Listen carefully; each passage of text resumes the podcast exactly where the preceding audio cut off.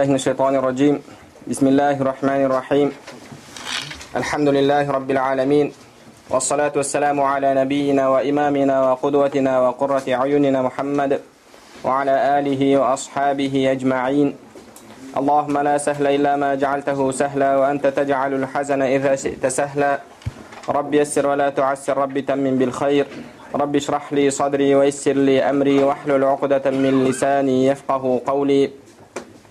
اللهم علمنا ما ينفعنا وانفعنا بما علمتنا وزدنا علما وعملا وتقا وإخلاصا يا رب العالمين أما بعد السلام عليكم ورحمة الله وبركاته біз өткен кездесуімізде мазхаб ұстаудың маңыздылығы мазхабсыздықтың зияны жайында сөз бастаған едік бірақ өткен дәрісіміз шейх пен әлгі жігіттің арасындағы шейх мұхаммед саид рабадан бутимен сол мазхаб ұстамау керек. Әрбір мәселеде дәлелі күштірек болған имамға еру керек солардың дәлелін салыстыру керек деген жігітпен екеуінің арасындағы ә, хиуармен яғни пікірталаспен өткен еді. Жалпы қазіргі күнде мазхабтан шығу мазхаб ұстамау түрлі көріністерде арамызда тарап жүр біріншісі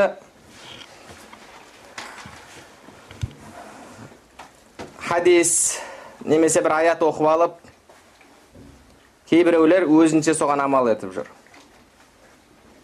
кейбіреулер соған амал етіп жүр не қолына бұхаридің хадис түссе немесе бір ә, смс жіберіп тұратын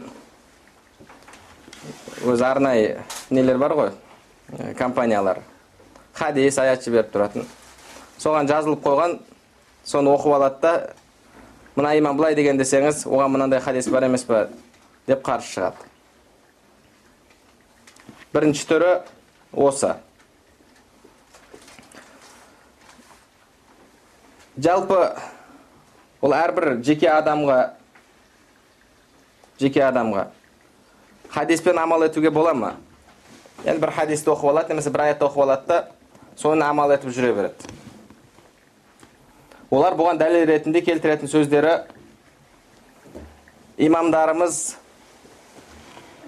имамдарымыз олар жұлдыз секілді сізге кәбаға жол тауып беретін ал сіз кәбаны тауып алғаннан кейін сізге жұлдыздың не керегі бар деді алдыңызда кәба тұр ғой болды деді. Имамдар да тура сол сияқты. Басқа біреулер бір мысал келтіреді. Имамдар олар таяммум секілді деді. Имамдар таяммум секілді. Су жоқ кезде таяммум аласыз деді. Ал бірақ су бар кезде таяммумның не керегі бар деді. Сізге алланың құраны тұрса пайғамбар саллаллаху сүннет тұрса одан артық не керек бар? Не керек?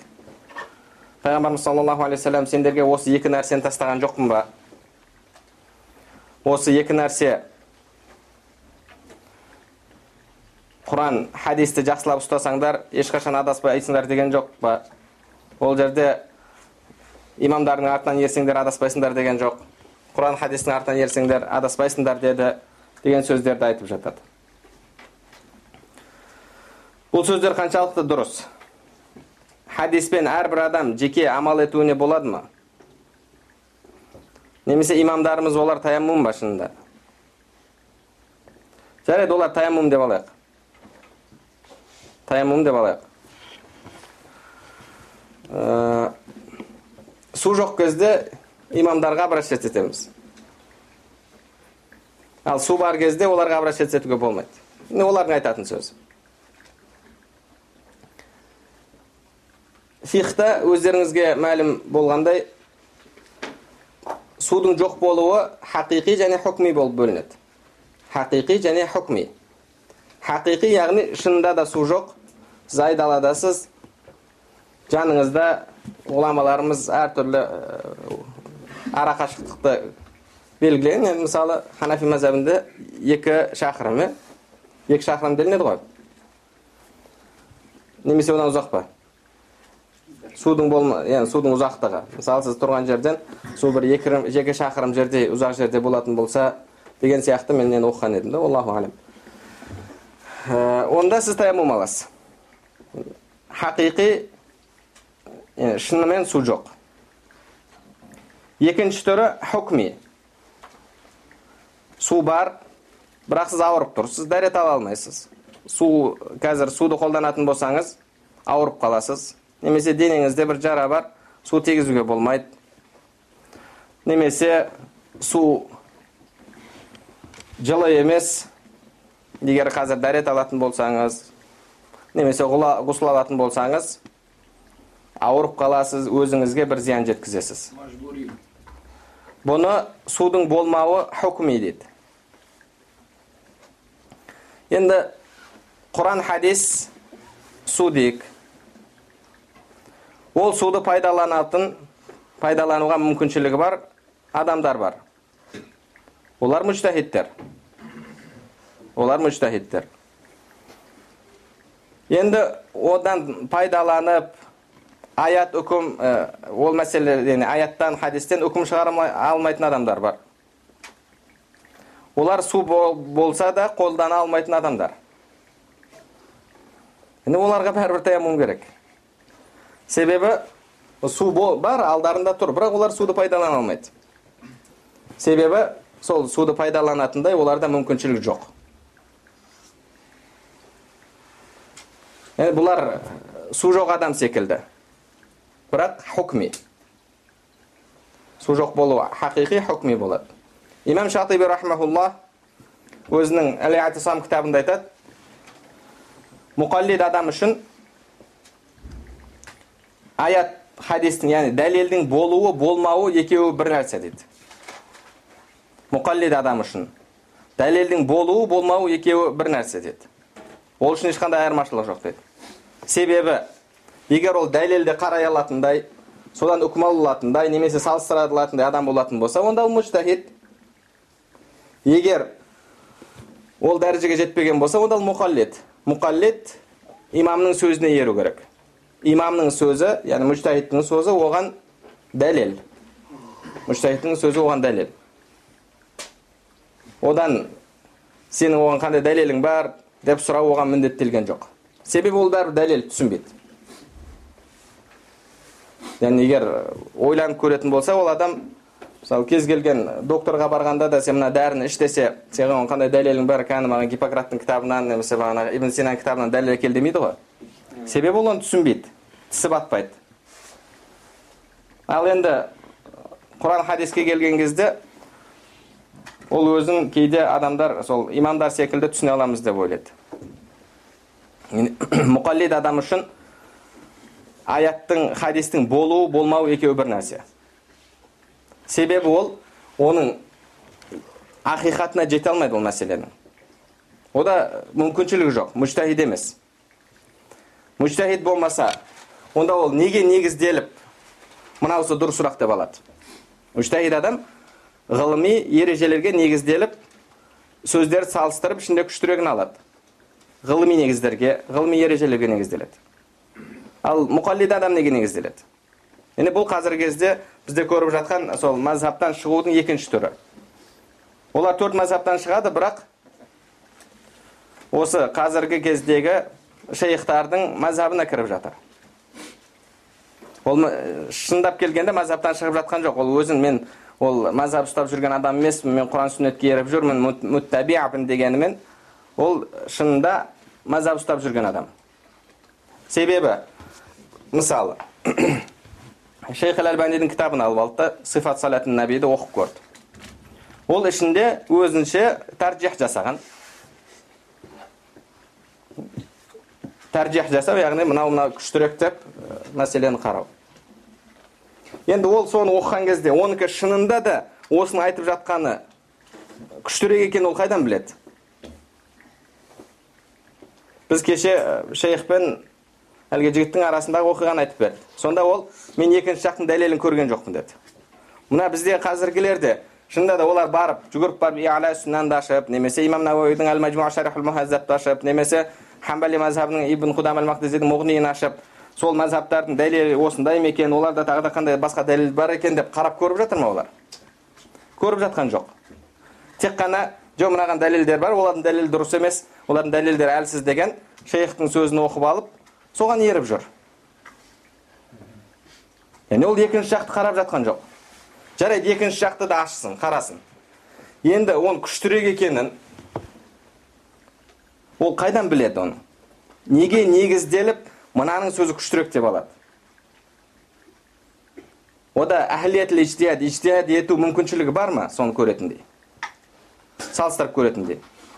Немесе тек қана жүрек қалауы ма онікі көңіліне жаққаны. Ол алдын ала осы шейхтікі дұрыс осы шейх ғалым осы шейх дұрыс айтады деген ода сенім бар. Одан кейін ол артынан дәлел іздейді. Яғни бұларда істелініп жатқан нәрсе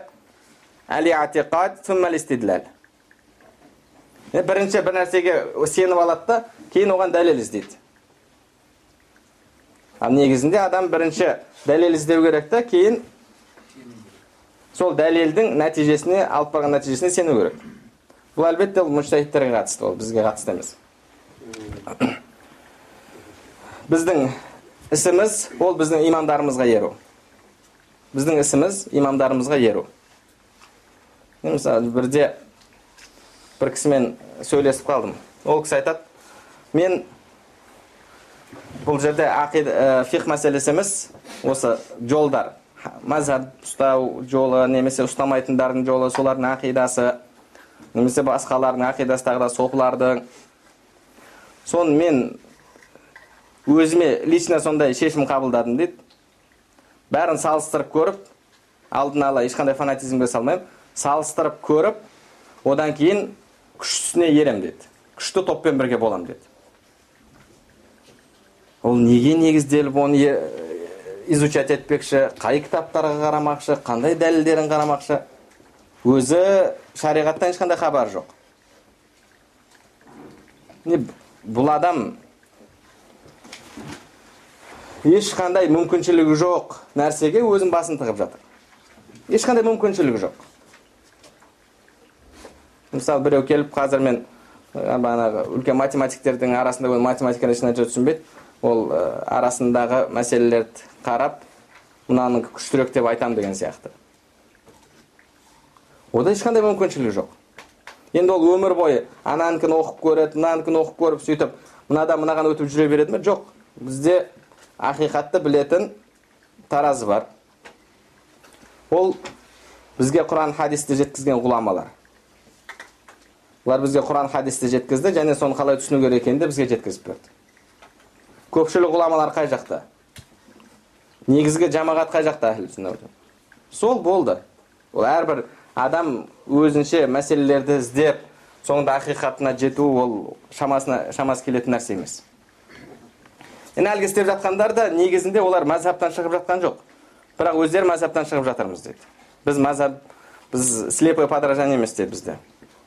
Сондағы істегені бір кітапты оқып алып соның дәлелдерін көрді да оны салыстырып көрген жоқ. Жарайды мынау хадис даиф деді. Оны пәленше даиф деген деді. Соны ашып көріп жатыр ма? Не үшін даиф деді? Немесе ол адамды мысалы ол хадисте пәленше адам бар соның себебімен даиф. А не үшін ол адам даиф себебі хадис ғылымын оқыған әрбір адам біледі.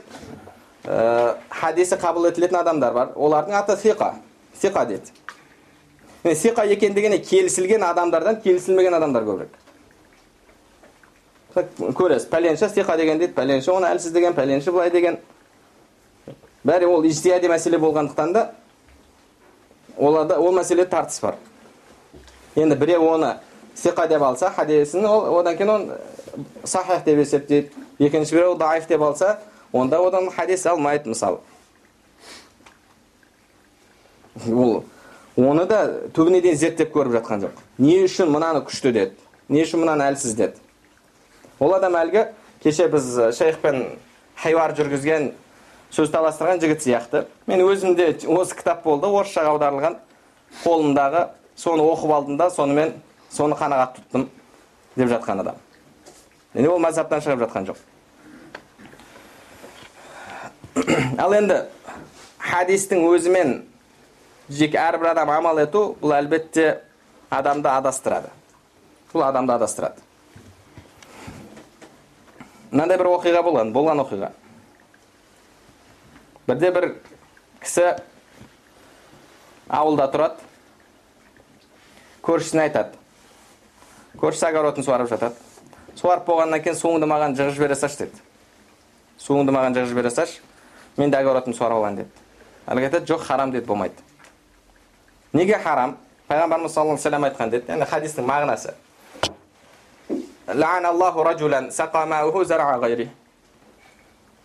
Суы басқа біреудің егінін суарған адамды алла ләнат етсін суы басқа біреудің егінін суарған адамды алла ләнат етсін мен алла ләнат етсін деп яғни ол үлкен ауыр күнә мен саған суды жығып жібермеймін дейді әлгі кісі таңқалады қалайша сонда пайғамбар саллаллаху бұл жақсы нәрсе ғой ода тұрған ешнәрсе жоқ қой неге бұны ләнат етіп жатыр деп сол ауылындағы шейхқа барады шейхқа сол мәселені айтқан кезде шейх жатып алып келеді ондай хадис бар негізі және ғұламаларымыз ол хадиске амал еткен оның мағынасы құранда алла субханала тағала айтады.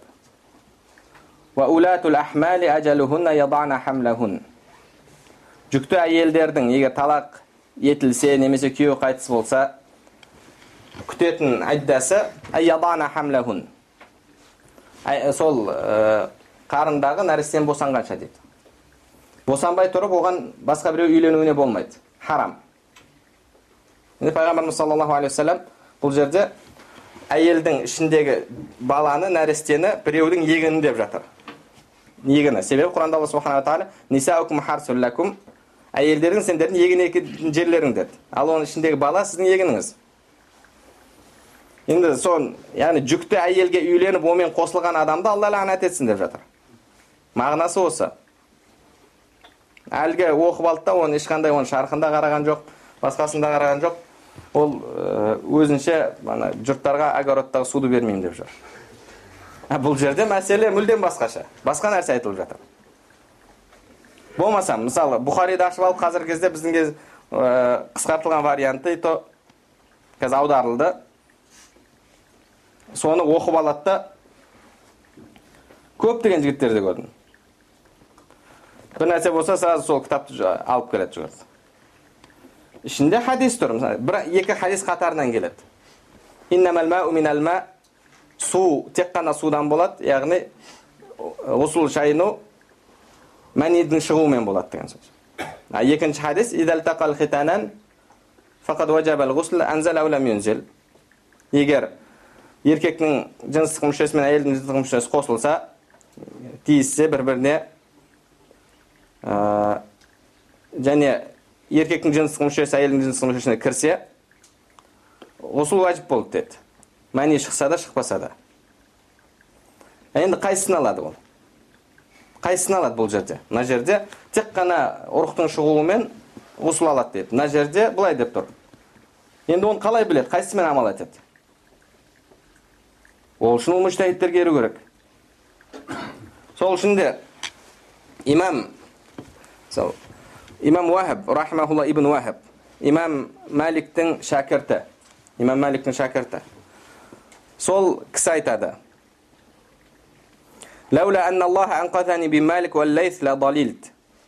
егер алла субханала тағала имам мәлик пен ләйсті жіберіп мені құтқармағанда мен адасқандардан болар едім деді қалайша деп ол кісіден сұралады ол кісі айтады хадисті көп жинадым деді соңында хайран деді яғни қайсысы қалай мына жерде қарама қайшы келеді сондай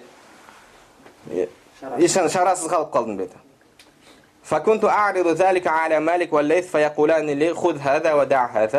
имам мәлик пен ләйске апарып көрсететін едім сонда мынаны ал мынаны алма мынау насих мынау мынаны сух мысалы мынаны мына сахаба риуаят етеді ол мынадан кейін исламға келген мысалы мынау мынадан кейін айтылған деген сияқты сөйтіп үкімі жойылады немесе мынаған амал етілмейді деп ол кісілер маған көрсетіп беретін еді дейді бұны имам қады аяд ибн муса рахмаулла өзінің тәртибул мадарик кітабында екінші том төрт жүз жиырма жетінші бетінде келтіреді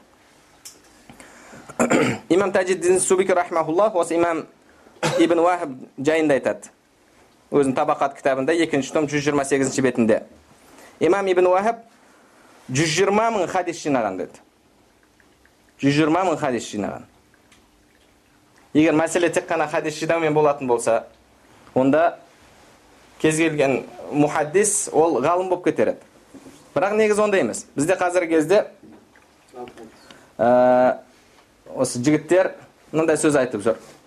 Әрбір мұхаддис фақих бірақ әрбір фақих мұхаддис емес дейді. Әрбір мұхаддис фақих бірақ әрбір фақих мұхаддис емес дейді.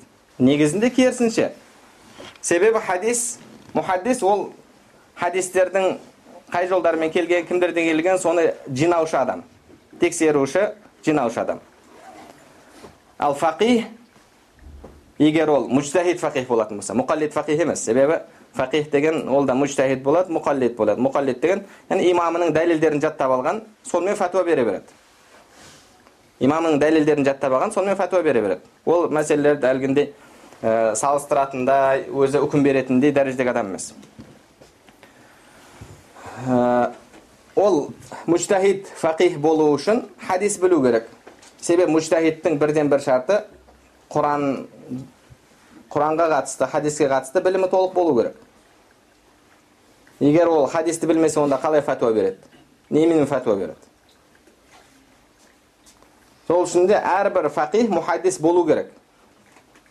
Бірақ әрбір мұхаддис фақих болуы шарт емес. Имам ибн уахаб рахимахуллах жүз жиырма мың хадис жинаған бірақ ол кісі айтады хадисті көп жинаған кезде мен шарасыз халде қалдым деді қайсысы қалай екенін білмей қалдым деді сол үшін де имам сол ибн уахаб мұхаммад абдулла ибн әбу мұхаммад абдулла ибн уахаб және имам әл лейф ибн саад рахмауллахтардан келеді бұнда имам қады аят кітабы бірінші том тоқсан алтыншы бетінде айтады әл хадису мадиллатун илля лил улама хадис ғұламалардан басқаның барлығын адастырады деді. Хадис ғұламалардан басқаның барлығын адастырады деді. Бұл хадис адастырмайды. Бірақ адам дұрыс емес түсініп алып сонымен адасады. Әлгі ә, суымды жібермеймін. Ол харам деп айтқан адам имам ибн уахаб имам мәликтің шәкірті имам лайс ибн саад мысырдағы мүжтахид ғұламалардан сол кісілерден келеді. Имам ибн әби зайд әл қайрауани рахмаулла бұл да имам мәликтің шәкірттерінің шәкірттерінің. Сол кісі айтады ибн уяйна айтты деді. Бұны суфиян ибн уяйнадан да келеді. Әл хадису мадиллатун илля лил фуқаха уже уляма бұл жерде кім екенін бұл кісі мына сөзінде тәпсірлеп жатыр. Хадис фақихтерден басқаларды адастырады деді хадис фақихтерден басқаларды адастырады имам ибн әби зайд оны тәпсірлеп жатыр. Юрид яғни бұл кісінің сөзінің мағынасы дейді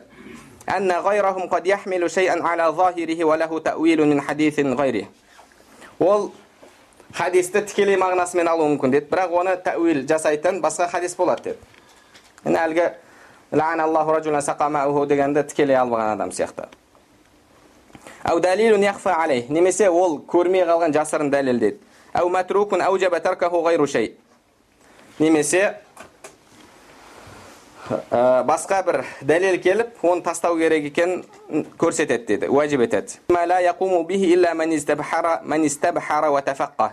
бұл тек қана тафаққаха яғни фиқхтан мықты болған және білімде ә, теңіз болған истабхара яғни бахар сөзінен алынады. Теңіз болған адамның ғана шамасы келеді деді. Бұны айтып жатқан имам ибн әби зайд өзінің әл жамиа кітабы ә, жүз он сегізінші бет. Ол адамда әхлиетіл иштихад болмаса ол ертең адасады. Ол ертең адасады. Сол үшін де олардың міндеті білмесеңдер білім иелерінен сұраңдар деді. Ал білім иесі оған дәлелін айтар айтпас. Енді бір жеңіл мәселе болатын болса оған дәлелін айта салады. Бірақ әрбір мәселе ол жеңіл мәселе емес. Әрбір мәселе жеңіл мәселе емес. Кейде мужтахид оны түсінуі мүмкін басқасы оны түсінбеуі мүмкін. Мысалы мысалы оразада әтейлеп аузын ашқан адам. Оның каффараты бар ма? Ханафи мазхабында каффараты бар. Каффараты екі ай ораза тұту. Бірақ оған қандай дәлел бар? қандай дәлел бар оған? Әтейлеп аузын ашқандан каффарат өтеу керек деген. Тікелей ешқандай дәлел жоқ оған. Қазіргі кезде біздің әлгі мазхаб ұстамаймыз дегендер әбу ханифа бұл сөзді қайдан алды? Оған ешқандай дәлел жоқ деп жүр. Хадис тек қана рамазанда әйелімен қосылған адамға қатысты келген деді. Хадис негізінде солай келеді пайғамбарымыз саллаллаху бір кісі келеді я расулалла хәләк құрыдым дейді не болды әйеліммен оразада қосылып қойдым күндіз күндіз оразада қосылып қойдым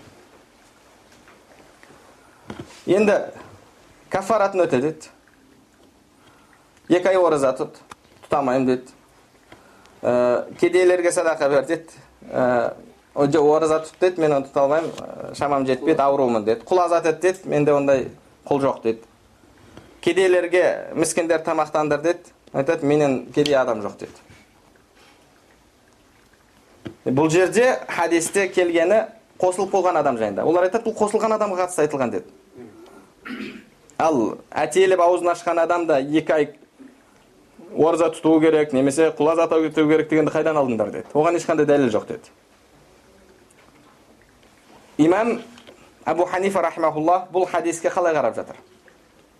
Бұл кісінің ісін қосылу деп қарап жатқан жоқ. Имам әбу ханифа бұл кісінің ісін рамазанда оразаны бұзатын іс істеді деп қарап жатыр. Ол мәселе қосылу деп жатқан жоқ. Мәселе ол кісі рамазанда әтейлеп оразасын бұзды деді. Оразаны бұзатын амал істеді деді. Ондай болатын болса кез келген рамазанда әтелеп оразаны бұзу кафаратты уәжіп етеді деді. Міне ол кісі ол ә, әлгі кісінің істеген ісін кең ауқымда алып қарап жатыр.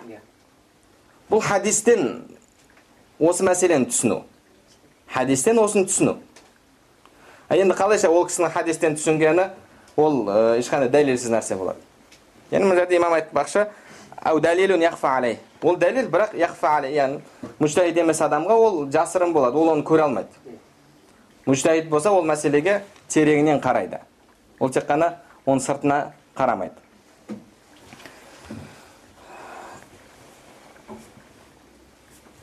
Яғни ол хадисті тікелей алып алу онымен амал ету ол фақих мүжтәһид болмаса адамды адастырады. Біздің оған шамамыз жоқ. Ол біз үшін харам бұл нәрсе. Мүжтәһид адам мүжтәһид дәресіне жеткендіктен де егер ол дұрыс айтса екі сауап қателессе оған бір сауап. Қателессе де бір сауап. Ал егер біз дұрыс айтсақ та бізге күнә. Неге? Себебі біз мүжтәһид емеспіз. Біздің сөзіміз сол дұрыс үкіммен сай келіп қалуы мүмкін. Бірақ біз жәһілге надандыққа негізделіп айтқандықтан да біз күнәһар боламыз. Ғұламаларымыз айтады ол шамасы келмейтін адам ол күнәһар болады. Ол ойынан еш нәрсе айтуға ақысы жоқ. Яғни әлгі бір намазға қатысты бір кітапты оқып алып сол кітапта келген дәлелді оқып алып жүрген адамдар да мазхабтан шығып жатқан жоқ бірақ олар төрт имамның пайғамбарымыз саллаллаху алейхи вассалам өзі куәлік берген ең жақсы ғасырда өмір сүрген имамдардың мазхабын тастап олардың құран хадиске деген түсінігін тастап басқа осы жиырмасыншы ғасырдағылардың түсінігіне еріп жүр мен кейде әзілдеп ә, бұны былай деп мысал ретінде келтіремін сіз оған кел міне мына табақта қазы қарта жал жая тұр осыдан же десеңіз ол жоқ мен роллтон беш пакет жеп жүремін маған сол жетеді деген сияқты. Себебі бүкіл үммет біледі. Бүкіл үммет яқин сеніммен сенеді. Ол төрт имам қазіргілерден абзал. Қазіргілерден абзал. Және олардың құран хадиске деген құран хадиске қатысты білімі алдыңғылардан абзал. Мына жерде имам ибн аби зайд рахмаулла айтады. Шай немесе ол хадис тасталынған хадис болуы мүмкін деді. Хадис тасталынған болуы мүмкін. Мәнсух болады онда амал етілмейді немесе ә, имамдарымыз оған амал етпеген имамдарымыз оған амал етпеген. Қазіргі кезде мазхабсыздың мазхабтан шығудың бір түрі ғұламаларымыз алмаған төрт мазхаб имамдар фәтуа бермеген бір сахабалардың бір кітаптардың бір бұрышында мынандай істет деген сөздерін алып алып соны жандандырып адамдардың арасында тарату болып жүр бұл да мазхабтан шығудың бір түрі қазіргі кезде көрініс тауып жатқан мысалы құранда алла субханала тағала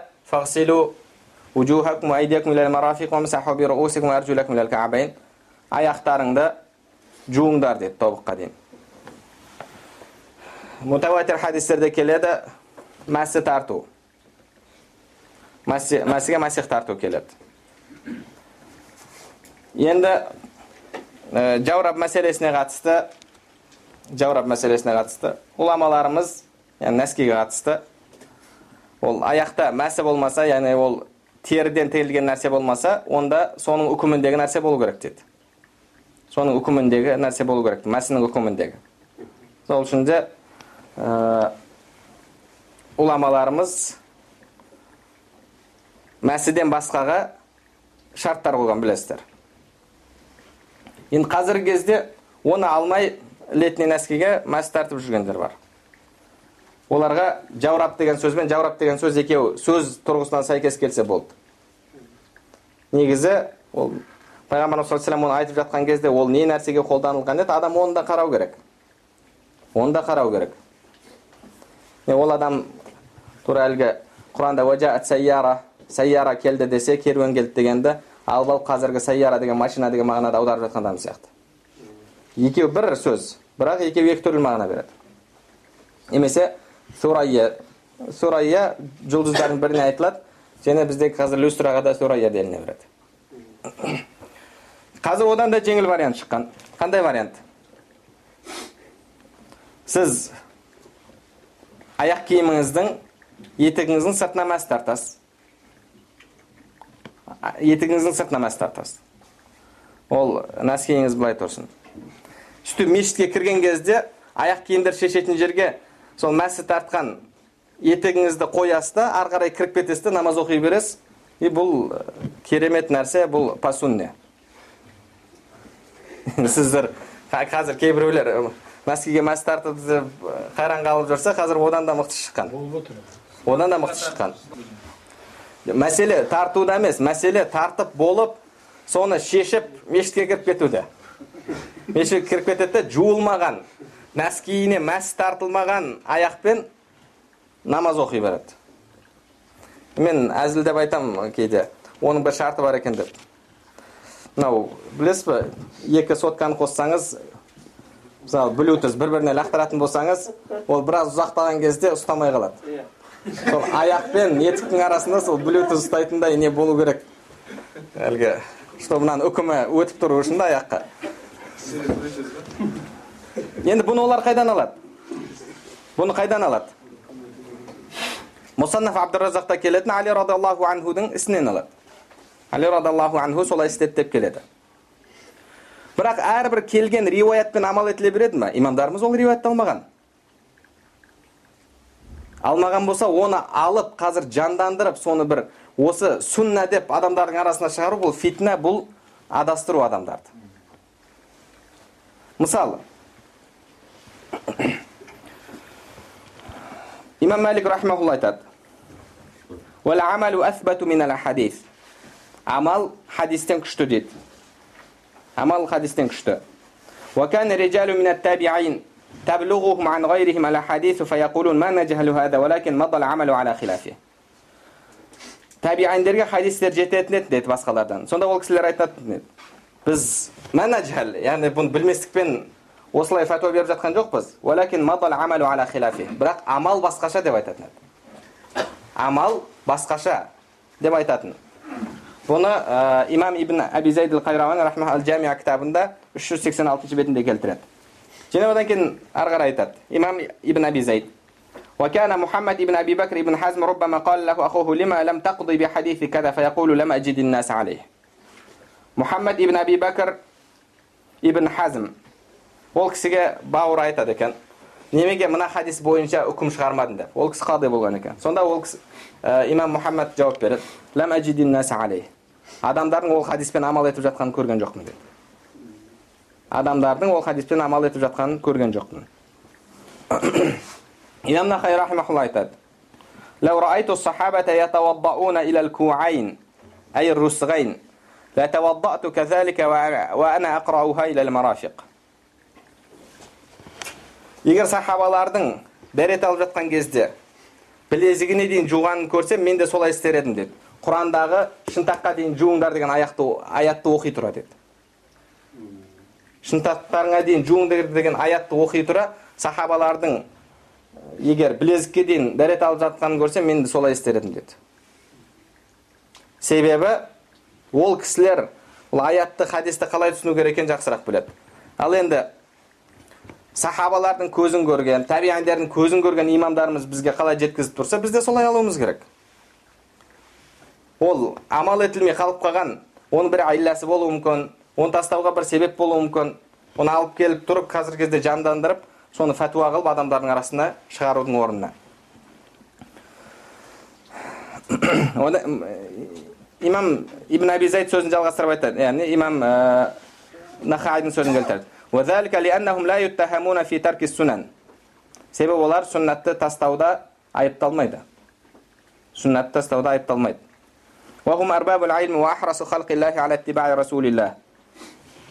себебі олар пайғамбарымыз саллаллаху алейхи ең қатты еруші адамдар имам абдурахман ибн махди рахмаулла айтады бұның барлығы мына имам ибн аби зайдтың кітабында келіп жатыр яғни барлығын келтіріп жатыр осы кісілердің сөздерін السنة المتقدمة من سنة أهل المدينة خير من الحديث أهل المدينة амалы бұл қай уақытқа дейін имам мәликте мысалы әхіл мәдинаның амалы жеке хабар ахаттан хадис ахаттан күшті болып есептеледі себебі ол кісі оны мутауатир хадис ретінде көреді медине тұрғындарының қалыптасқан амалын ол осман радиаллаху анху қайтыс болғанға дейінгі уақытқа дейін егер сол кезде имам адамдар былай амал ететін деген болса ол кісі сонымен алады а бірақ осман радиаллаху анхудың өлімі болды сол фитна кезінде жан жақтан әртүрлі адасқандар кірді да мединеде сөйтіп тұрақтап қалғандар болды ішінде соғанға дейінгі медине тұрғынының амалы ол кісіде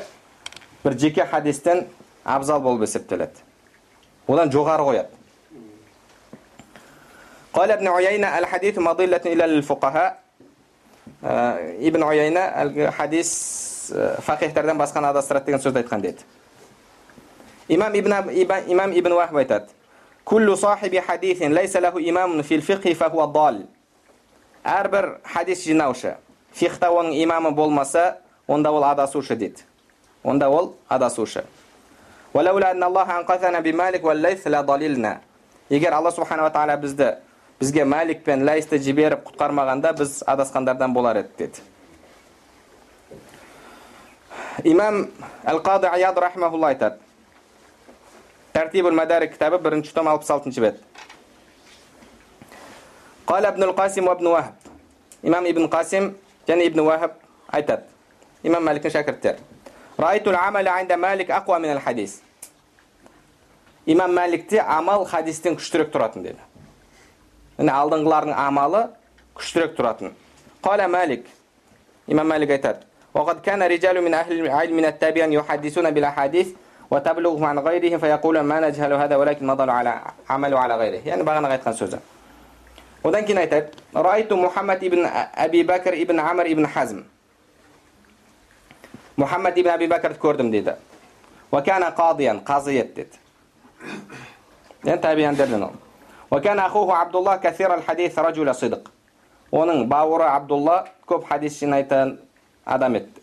فسمعت عبد الله إذا قضى محمد بالقضية قد جاء فيها الحديث مخالفا للقضاء يعاتبه ويقول له ألم يأتي في هذا حديث كذا егер абдулланы естідім деді имам мәлик айтып жатыр егер бауыры мұхаммад бір мәселеде үкім шығарса және оның үкімі бір хадиске қарсы келетін болса оған бұған қатысты мынандай хадис бар емес пе еді деп айтатын деді сонда имам мұхаммад айтатын деді бәлә иә бар ондай хадис неге онда сол хадис бойынша үкім шығармадың деп адамдар қайда бұдан амал ету деп адамдар амал етіп жатқан жоқ қой деп айтатын деді яғни яғни бұл жерде ә, сол алдыңғы имамдар алдыңғы ғұламалар бұған амал еткен жоқ қой мен қалай амал етемін деп айтатын имам ибн муаззал айтады имам ибн мажишуннан сұраған неге хадисті риуаят ете тұра тастадыңдар деді біз оны біле тұра тастағанымыз біліну үшін деді неге ол хадисті риуаят етесің де артынша амал етпейсің деді ол айтады біз оны білетіндігімізді адамдар білу үшін деді білетіндігімізді білу үшін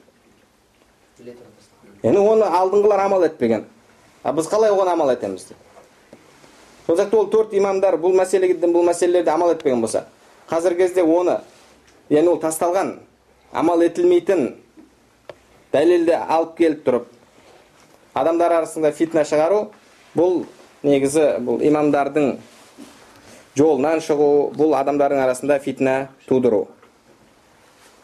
Имам ибн махди айтады.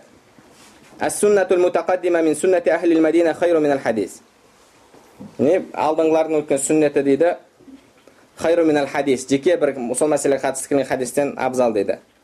Және сол кісі айтады. Менде бір бапқа бір мәселеге қатысты көптеген хадистер болады деді.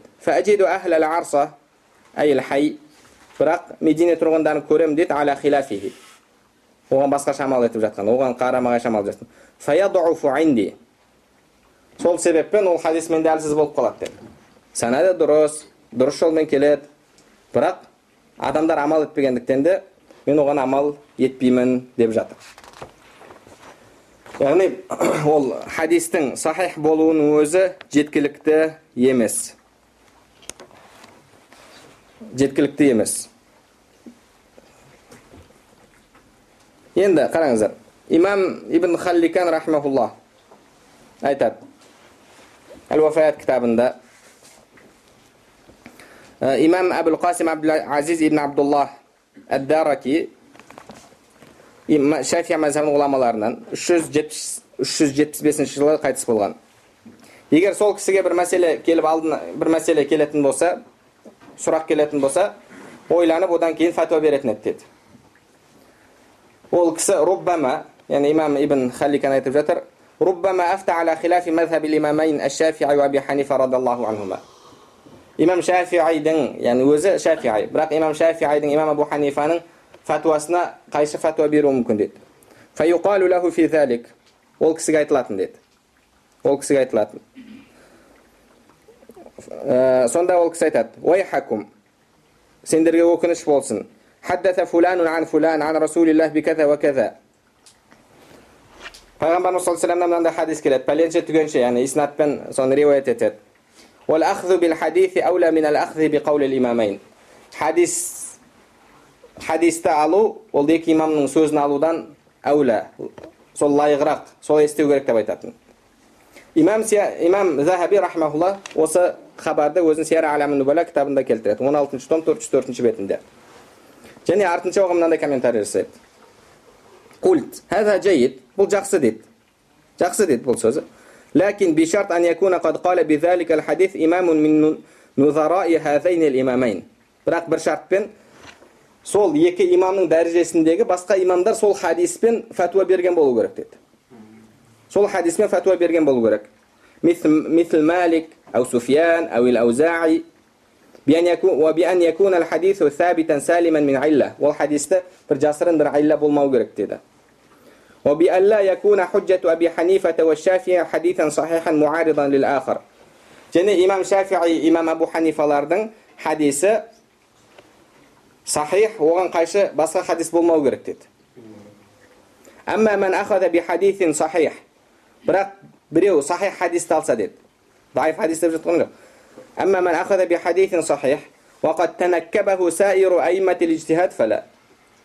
бірақ оны басқа мужтахид ғұламалар алмаған болса онда жоқ деді. Онда онымен фәтуа берілмейді деді. Онда онымен фәтуа берілмейді. Болмайды фәтуа беруге. Ол сахих жолмен келсін. Егер имамдар алмаған болса оны онда одан кейінгілердің келіп оны алуға ақысы жоқ. Себебі олар бағана кімнің сөзі келгенде ибн біз оны біле тұра тастағанымызды адамдар білсін деді. Сол сахих хадистің өзі амал етуге жеткілікті емес. Амал етуге жеткілікті емес. Бұл жерде бұл жерде имамдардың амалы ол хадис яғни хадистің үстінен үкім деген сөз емес. Бірақ ол хадиске басқа дәлелдің барлығы немесе оның үкімі жойылғанына амал дәлел болады. Біз имамдардың амалын әкеліп пайғамбар саллаллаху хадисінің үстінен бір төреше етіп қойып жатқан жоқпыз. Бірақ имамдарымыздың амал етпеуі ол хадиске амал етілмейтін оған басқа дәлелдің барлығына дәлел болады. Ол хадис ол дәлел бізге келмесе де. Себебі мысалы бір мәселеде ижма келісілсе ижма пайда болса онда ижманың дәлелі кез келген усул ғалым айтады ижманың дәлелі бізге жетуі шарт емес деді. Себебі ижманың өзі дәлел. Ижманың өзі дәлел.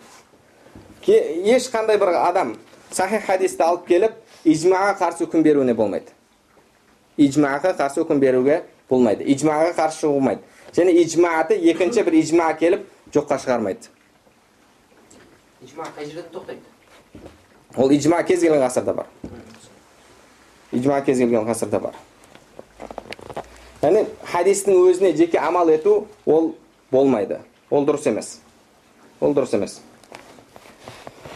одан кейін бізде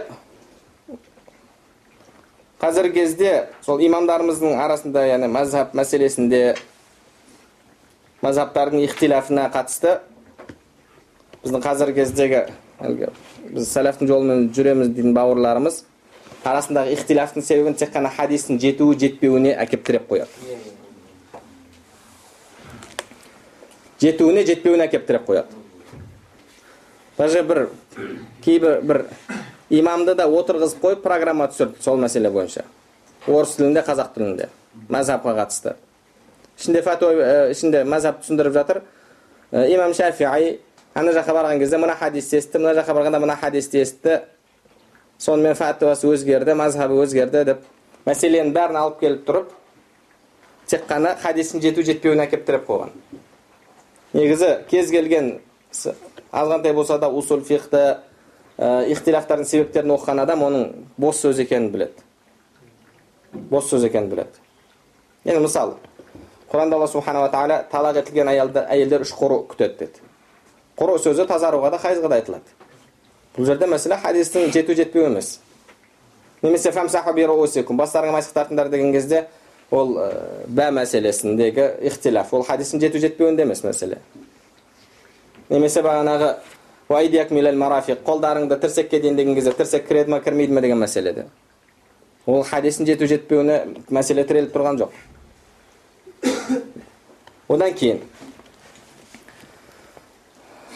біз өткен жолда айтып кеттік.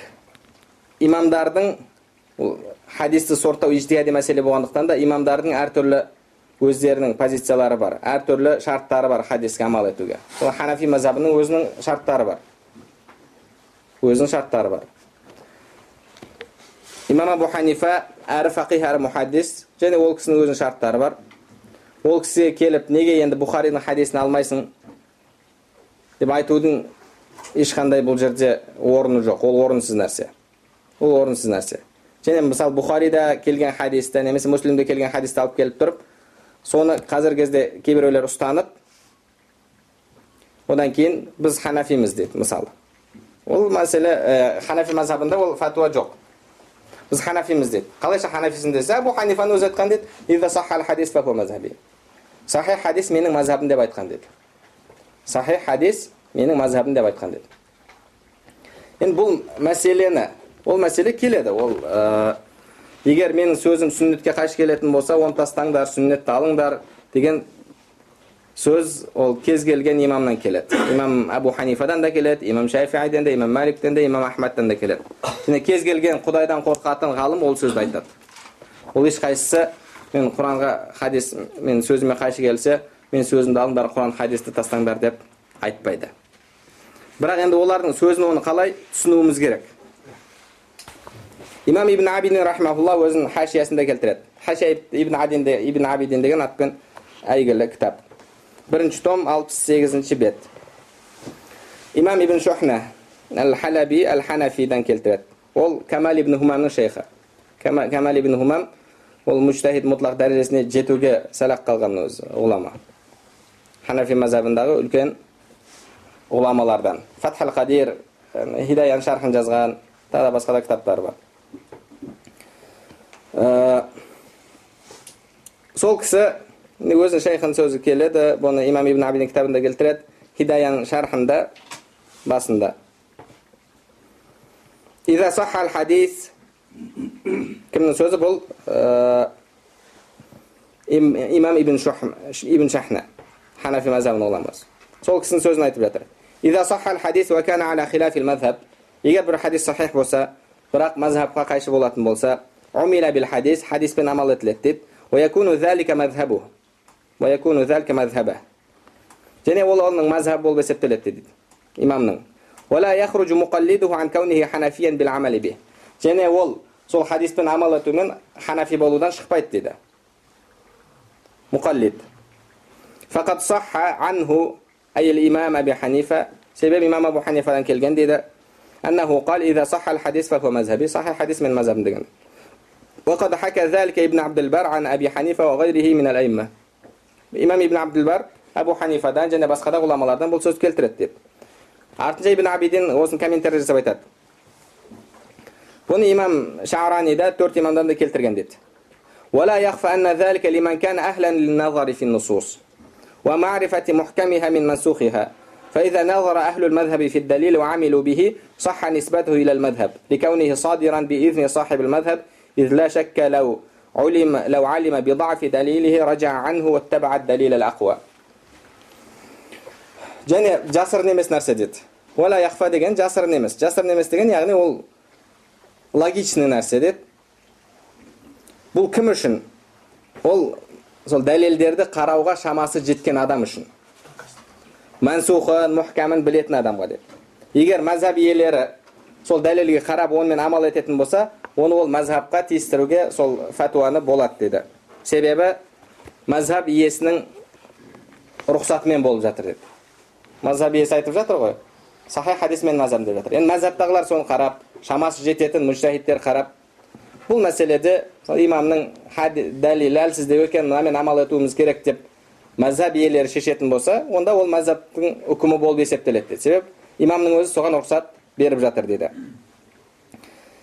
шәкка шәк жоқ егер имам өзінің дәлелінің әлсіздігін білгенде онда одан қайтып күштірек дәлелге еретін еді деді күштірек дәлелге еретін енді бұл жерде сахал хадис фаху мазхаби деген ол біріншіден мүштахидтерге қатысты айтылып жатыр ол мұқаллидке қатысты айтылып жатқан жоқ ол мүштахидке қатысты айтылып жатыр және біріншіден бұл мүштахидке қатысты айтылып жатыр және екіншіден имам егер имамның сол осы имамның фәтуасы осы біз бір мысалы ханафи мазхабына немесе абу ханифаның фәтуасына қайшы ұстанымды ұстанып одан кейін мен ханафимін деп айту үшін ол қарау керек. Шынында да ол хадис жетпеді ме оған? Тура сол хадис. Егер жеткен болса бірақ басқа бір себептермен тастаған болса онда оның мазхаб болуы мүмкін емес ол хадис. Себебі ол оны біліп тұрып тастаған. Қалайша оның мазхаб болады ол? Иә иә. Ол үшін оны қарау керек. Артыңғы кейінгі келген ғұламалардың кітаптарын бәрін қарау керек. Ол жайында имам шафиғи рахмаулла имам шафиғайдың сөзіне талиқ жасаған кезде имам науауи рахмаулла айтады. Одан алдын мәлик имам мәлик мазhabына тоқтайық. Имам мәлик мазhabына тоқтайық. Имам мәлик те сахи хадисмен мазhabын деген. Иә. Бірақ біз бағанағы имам мәликте амалдың хадистен күшті екенін айтып кеттік. Яғни ол да ол ол сөз толығымен алынады деген сөз емес. Егер ол бағана мәдина иелерінің мәдина тұрғындарының амалдарына қайшы келмесе амалға қайшы келмесе деген шарттармен.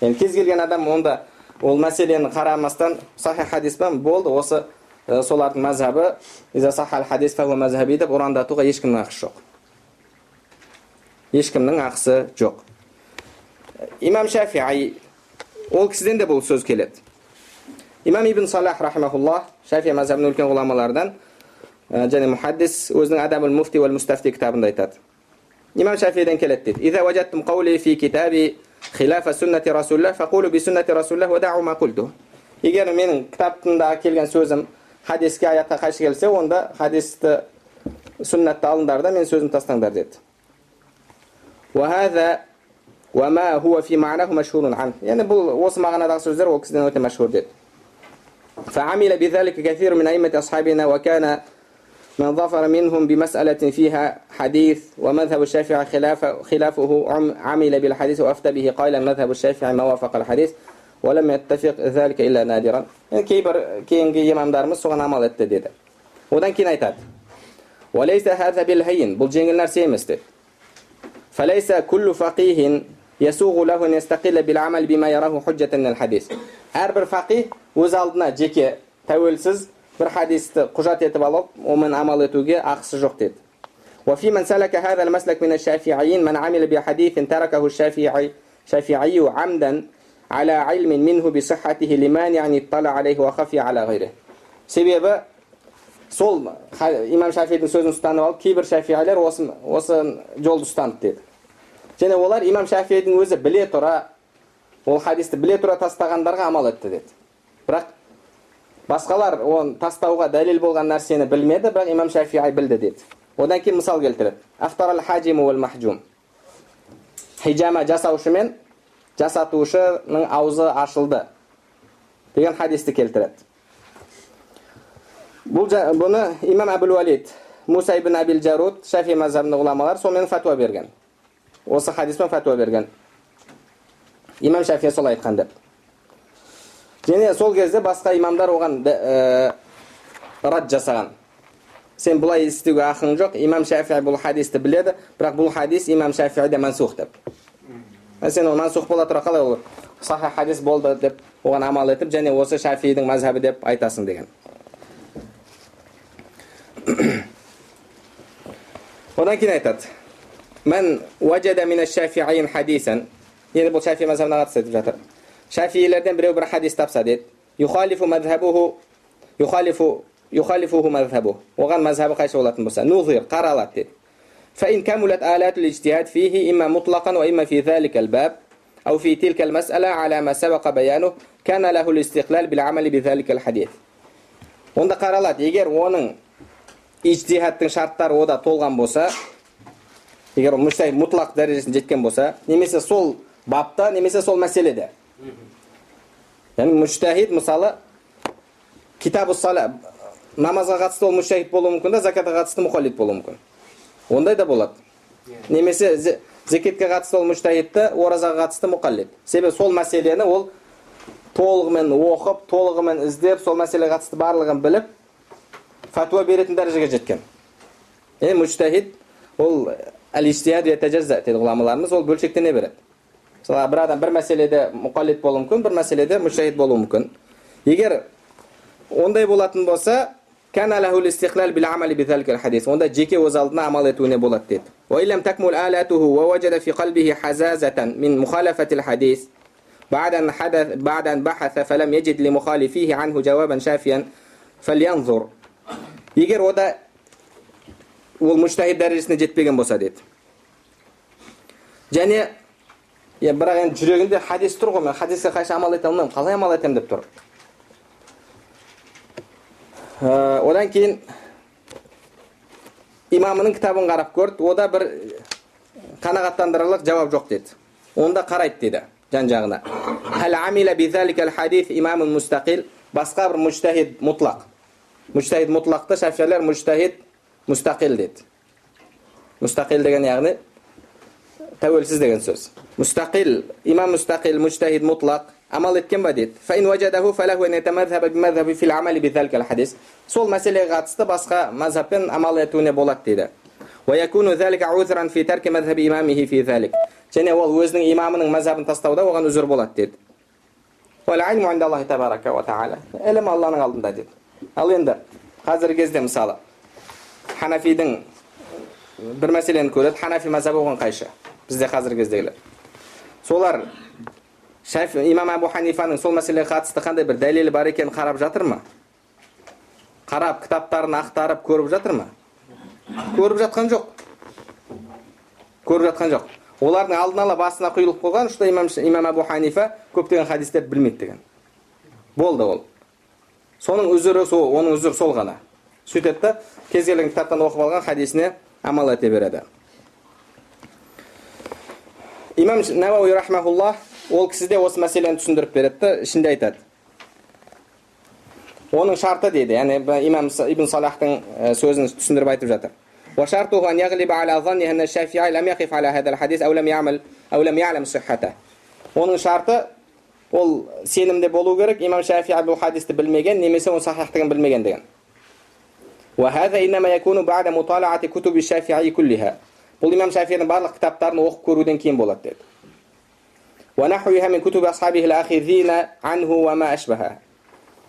Және имам шафиден алған басқа шәкірттерінің кітабын оқумен деді. Және бұл өте қиын шарт деді. Ол бұл өте аз деді. Аз ғана адамдарда табылатын сипат деді. Яғни ол егер имамның сөзін тастағысы келсе ол хадис хадисті көріп тұр оны амал етті ме етпеді ме оны жетті ме жетпеді ме білу үшін онда кітаптарын қарап көру керек деді. Енді біз мысалы қазір ханафи мазхабында имам мұхаммад ибн хасан шайбанидің кітаптарын қарап шығуға біздің қанша уақытымыз кетеді? Егер соны оқи алатын дәрежеге жетсек оның кітап көбісі аударылмаған. Енді оны аударылмағаны енді бізге источниктің жетпегені бізге дәлелдің жоқтығына дәлел болмайды. Дәлелдің жоқтығына дәлел болмайды. Себебі ол кісі айтады. Біз айтқан нәрсені шарт етудің себебі дейді. Имам шафия көптеген хадистердің сыртқы түсінігіне амал етпеген дейді амал етпеген. Көптеген хадистерді мысалы сіз қарайсыз да сыртқы көрінісін қарайсыз да имамның мазхабын қарайсыз имам болған қайсы келіп тұр ғой деп. Көптеген хадисті ол біле тұра тастаған дейді. Көрген және білген дейді.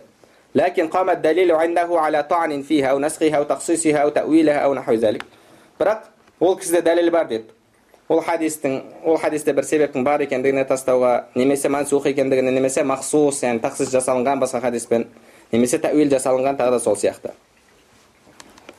Тура осындай сөз ә, имам ахмадтан да келеді. Және ол кісінің шәкірттері де осылай бұны түсіндіріп береді. Енді ол кез келген адам хадис мазхаби деп амал етуіне ақысы жоқ. Амал етуге ақысы жоқ. Оның бұның осындай шарттары бар.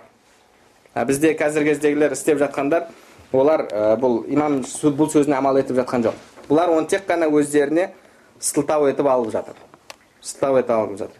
Егер тура имамның сөзіне солай амал еткісі келсе онда мына кісілер айтып жатқан шарттарды орындау керек. Ол шартты орындауға лайық болу үшін ол бүкіл ғұмырын кеткізеді. Бүкіл өмірін кеткізеді. Сол шартқа лайық болу үшін. Яғни кітаптарын қарап шығуға лайық болу үшін. Кітабын қарау былай тұрсын. Бұл мәселе оңай мәселе емес сол үшін де ол әрбір адам негізі бізге пайғамбар сүннетін жеткізіп берген имамдарымызға еру керек еру керек әлгіндей жолдармен мәзһабтан шығу немесе бағанағыдай ешқандай имамдар амал етпеген хадистерді алып алып оны адамдардың арасында таратып соны жандандырып соны бір сүннат қылып көрсету бұл адамдарды адастыру. Бұл адамдарды адастыру.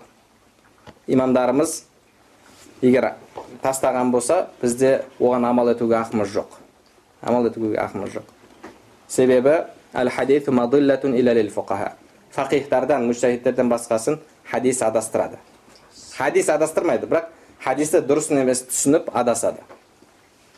Енді ол кісілерде кейбір мәселелерде мысалы шынында да шафи мазхабында болсын ханафи мазхабында болсын кейде даиф хадис келеді кей мәселелерде даиф хадис келеді енді оны қалай түсінеміз онда не істеуіміз керек шынында да даиф дәлелі шынында да даиф мысалы бір мәселені ашып қарайсыз ханафи мазhabын білмекші болдыңыз да хидаяны ашып қарадыңыз хадис даиф онда не істейміз оны қалай қыламыз кең мәселе болғандықтан да өте маңызды мәселе болғандықтан негізі біраз уақытты алса да бұған сәл кеңірек тоқтау керек себебі қазіргі кезде ол ушығып тұрған мәселе. Енді иншалла ол мәселелерге тағы да бір екі мәселелерге алла нәсіп етсе ертең тоқтармыз.